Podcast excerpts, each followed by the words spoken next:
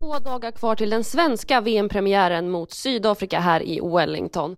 Redan igår sparkade dock mästerskapet igång när både Nya Zeeland och Australien vann sina matcher. Äntligen är också hela Expressens team på plats här med mig, Frida Olsson, Anna Friberg och Vendela Ögren. Och vi kommer såklart att ge allt det senaste inför den svenska premiären.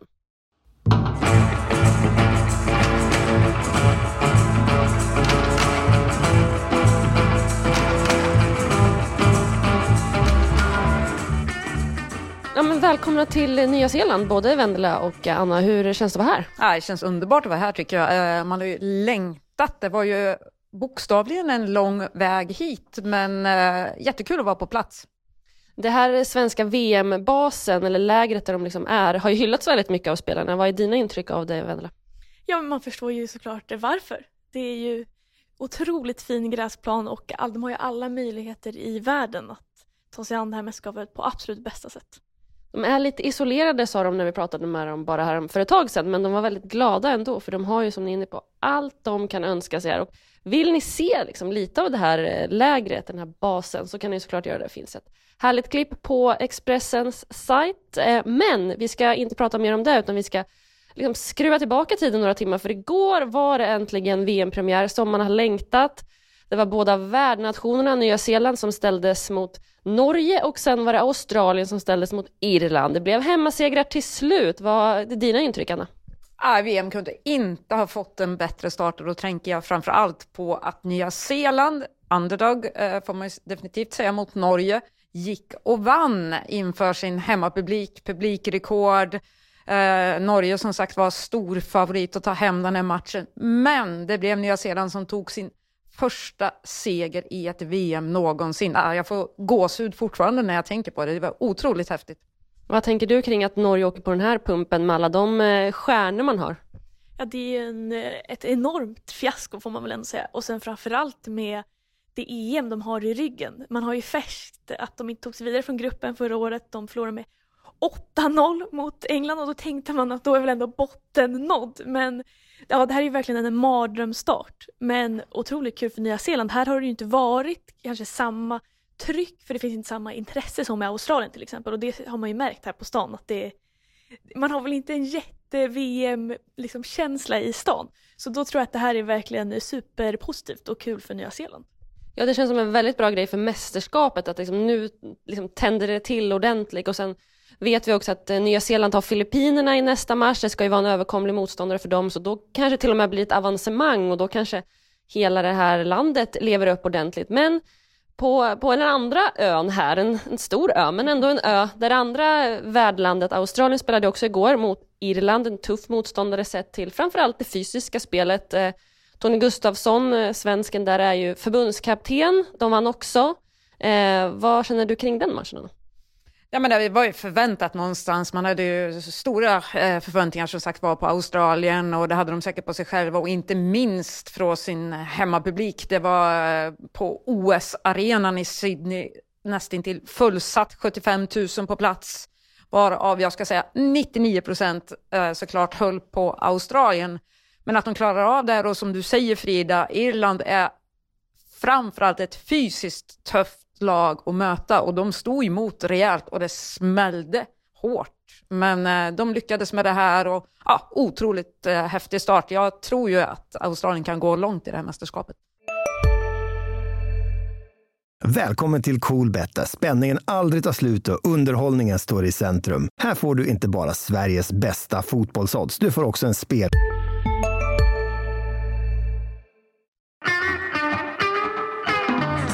Vi pratade ju lite med Lina Hurtig för inte så länge sedan som spelar tillsammans med Irlands eh, kanske tuffaste spelare och fulaste spelare också, lite på gränsen varje gång. Eh, eh, Katie McCabe, vad, vad, vad sa Lina om henne egentligen? hon skrattade väl till och sa att hon var verkligen het igår. Eh, och sa väl att det finns två sidor av henne, att hon var väldigt glad att ha henne i sitt lag och det förstår jag. Eh, man vill nog inte möta henne om man vill ha kroppen i behåll får man väl säga. Men det jag tar med mig kanske framförallt från matchen var ju en spelare som inte fanns med och det var ju Sam Kerr, eh, Australiens absolut största stjärna och VMs liksom verkligen poster girl för hela mästerskapet här och att eh, Hon drabbas av en vadskada och missar premiären och nu en, minst en match till. Eh, och hon och eh, Tony Gustafsson mörkade ju här inför. Hon satt ju på presskonferensen som lagkapten eh, dagen innan men då visste de helt enkelt redan att hon inte skulle spela. Eh, vad tänker du om det Frida? Tycker du att det var taktiskt genialt eller lite fult? Eh, lite både och. Jag gillar det på det här sättet att, eh, att man gör det för det känns inte jättevanligt, framförallt inte inom damfotbollen. Och vi diskuterade det också så här, ja men de måste ju haft presskonferensen innan träningen eftersom att det var på träningen hon skadades. Men att de gör på det här sättet är väl också lite att de kanske flyttar lite fokus. Det hade blivit väldigt mycket mer fokus på Sam Kerr, att hon inte är med istället för att på den här uppladdningen som de nu fick på ett normalt sätt inför den här eh, stora, liksom pampiga premiären som man ville. Sen så hoppas jag, det känns lite oroväckande med tanke på att de skriver eller ändå går ut med att så här, ja, hon kommer missa även nästa match mot Nigeria och förhoppningsvis kan hon spela mot Kanada i den sista. Det tycker jag känns mest oroväckande för att då kanske det inte är så himla bra om man redan tar höjd för att hon kan missa nästa match också. Eh, nu vann Australien igår lite krampaktigt, lite planenligt och de fick väl lite den här trevande starten som England nästan faktiskt fick mot, mot Österrike i EM. Eh, jag gillar det, eh, men jag hoppas att det är, eh, inte är så farligt för att en sån stjärna som Sam Kerr hade behövts i det här eh, VMet. Men med det så stänger vi väl gårdagen och landar lite i det som skedde nyss nästan, för vi har fått prata med dem svenska spelarna, eller sex stycken av de svenska spelarna efter att vi fick se 45 minuter av träning. Eh, och på tal om att mörka så måste vi väl kanske absolut ta den största frågan och största, nästan svenska stjärnan, för det är hon ju, Fridolina Rolfö, som också går runt med en skadekänning som kanske är värre än vad vi trodde när vi fick veta det redan i Göteborg för flera veckor sedan.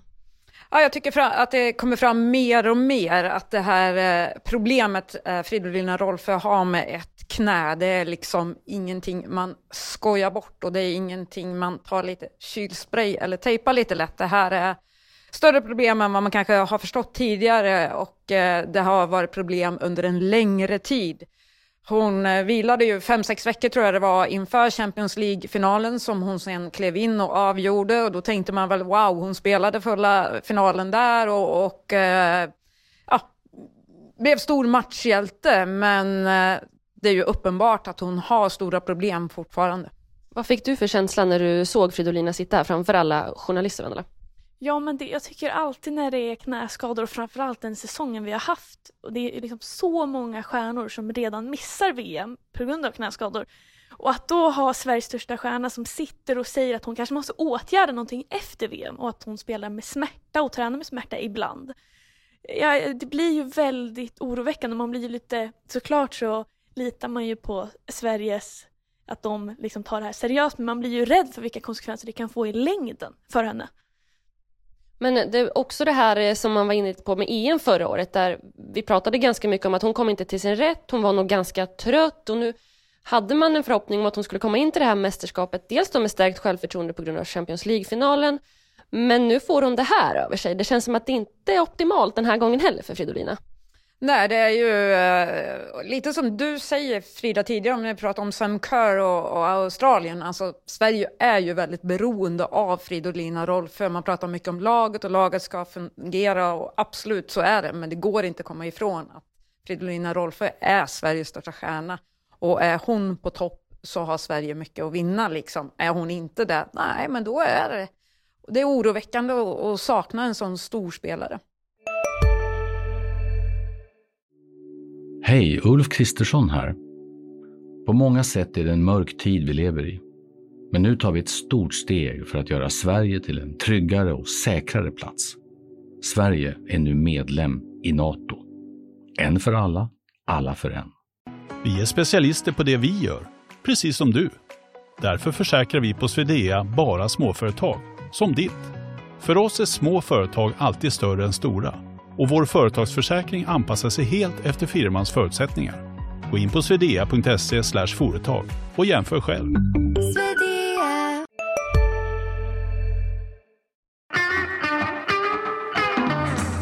Men Sverige har ju faktiskt eh, en match som väntar nu på söndag. Man ställs mot Sydafrika. Eh, de fick ju lite frågor såklart om svenska spelarna och man fick ett litet wake-up call med tanke på att Nya Zeeland ändå knäpper till Norge i den här premiären. Vad, vad känner du kring det? Är det ett wake-up call? Ska man vara orolig? Nej, man ska, såklart, man ska såklart inte vara orolig för Sydafrika egentligen. Eh, Sverige ska ju gå ut och vinna den matchen enkelt. Men det är väl klyschan att eh, liksom allt kan hända i ett mästerskap och framförallt en VM-premiär. Det finns ju nerver som, de är bara människor, men det är klart att de ska gå och vinna den matchen. Men sen så med, nu när vi pratar om Rolfö så finns det ju fler liksom skadeoro som hänger över Sverige. Du har ju varit här längre än oss Frida, kan du inte försöka ta oss igenom den veckan som har varit med alla bekymmer? Ja, men vi skämtade ju lite om det nu, att ska man skriva ännu en text där det handlar om oro, att en svensk spelare är skadad, och lite så har det ju varit. Det har dels har det handlat om att det var många frågetecken inför, att man inte riktigt visste vart alla spelare stod. Det har varit eh, skadeproblematik hos Kosse, hos Fridolina som vi pratade om nu, men även en sån som Caroline Seger. Men sen har vi sett att Amanda Ilestedt har eh, kört lite själv. Hon lämnar ju lugnande besked nu, hoppas på 90 minuter på, på söndag. Men också, det är den här träningen, den allra senaste som vi såg, då kliver Linda Sembrant av eh, efter 25-30 minuter, får behandling från, från en fysio där, men det är också både läkare och flera fysio som står omkring henne, hon springer in i något skjul eller något, någon, jag vet inte vad det är, någon byggbod känns det nästan som, där hon liksom får ännu mer liksom, behandling och testas ännu mer. Och landslaget kan ju i nuläget inte ge så mycket information utan man ska här, utveckla det här och det känns som att följetongen har varit är spelarna hela, vem kliver av härnäst? Eh, Caroline Seger satt och, och i en presskonferens, faktiskt, det låter lite sjukt att säga det när det är damfotboll så här, men hon satt ju på en presskonferens tidigare i veckan och var väldigt, väldigt känslosam över den problematik som hon har haft de här eh, månaderna, eller det här året och alla bakslag. Det var det var tårar men det fick avslutas som en skratt vilket någonstans var väldigt fint. Um, så det, det kom ett positivt besked till slut från henne. Hon kommer nog kunna spela, det trodde vi inte på förhand men det verkar verkligen som att hon kommer kunna bidra. Och vad vi har sett på träningarna, eller framförallt jag, är ju att hon har ju stegrat väldigt fort, fortare än vad det känns som att de utgav sig för att ha för som plan för henne. Eh, men också hennes den här pepp. Och jag frågade dig där ute Anna, från, från vi gjorde VM i somras i England. Har du sett Caroline Seger så här peppig? Och då sa du, men jag vet inte, men nu har du funderat lite på det. Alltså vad fick du för känsla av henne när du såg det ute på planen? Nej, men jag tror ju någonstans att hon eh, är spelklar på något sätt. Sen tror jag inte att hon är redo att spela 90 minuter, långt ifrån. Eh, men att ha det här, liksom, man klistrar inte på ett driv om man inte känner att det finns en chans, jag kommer kunna kliva in där. Uh, om det så handlar om tio minuter, en kvart, det kanske handlar om fem minuter. Men visst är hon någonstans där att hon känner att okej, okay, det, känns, det känns så här bra i kroppen, jag, jag kommer göra det här. Och med det kommer såklart den här stora lättnaden. Hon satt och sa på presskonferensen här att Ja, men jag trodde inte det skulle ta så lång tid. Det var match efter match och det var då det bröt, hon bröt ihop, tårarna kom. Det har ju såklart varit ett mardrömsår för Caroline Seger.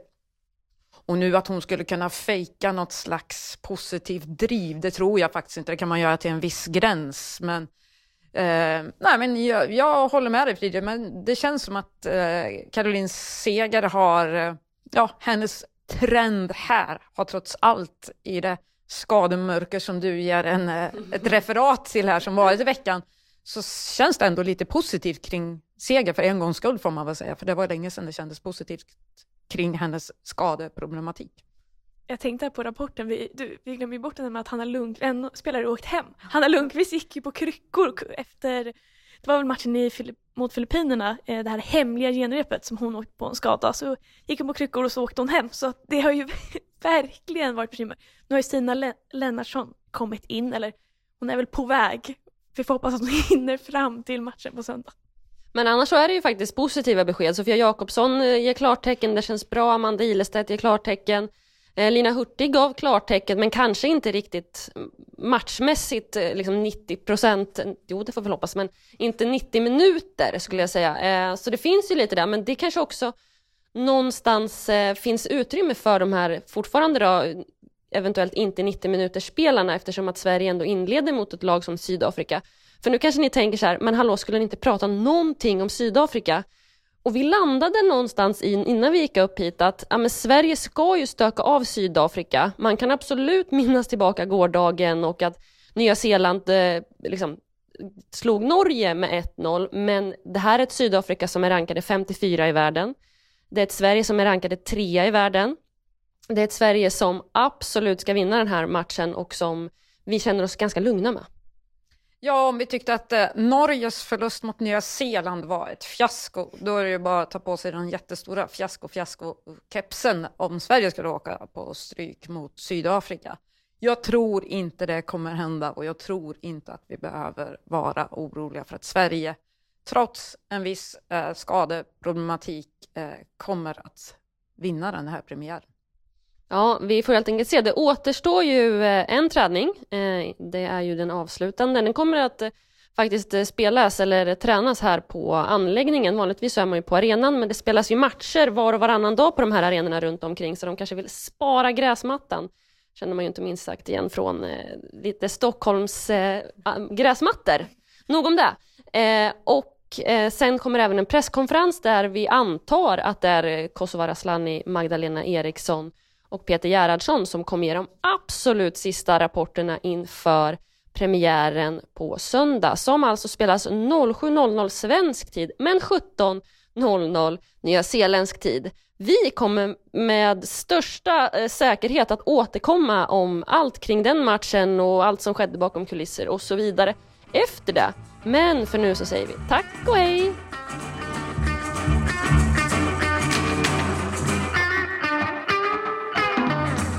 Du har lyssnat på en podcast från Expressen. Ställföreträdande ansvarig utgivare är Karin Olsson.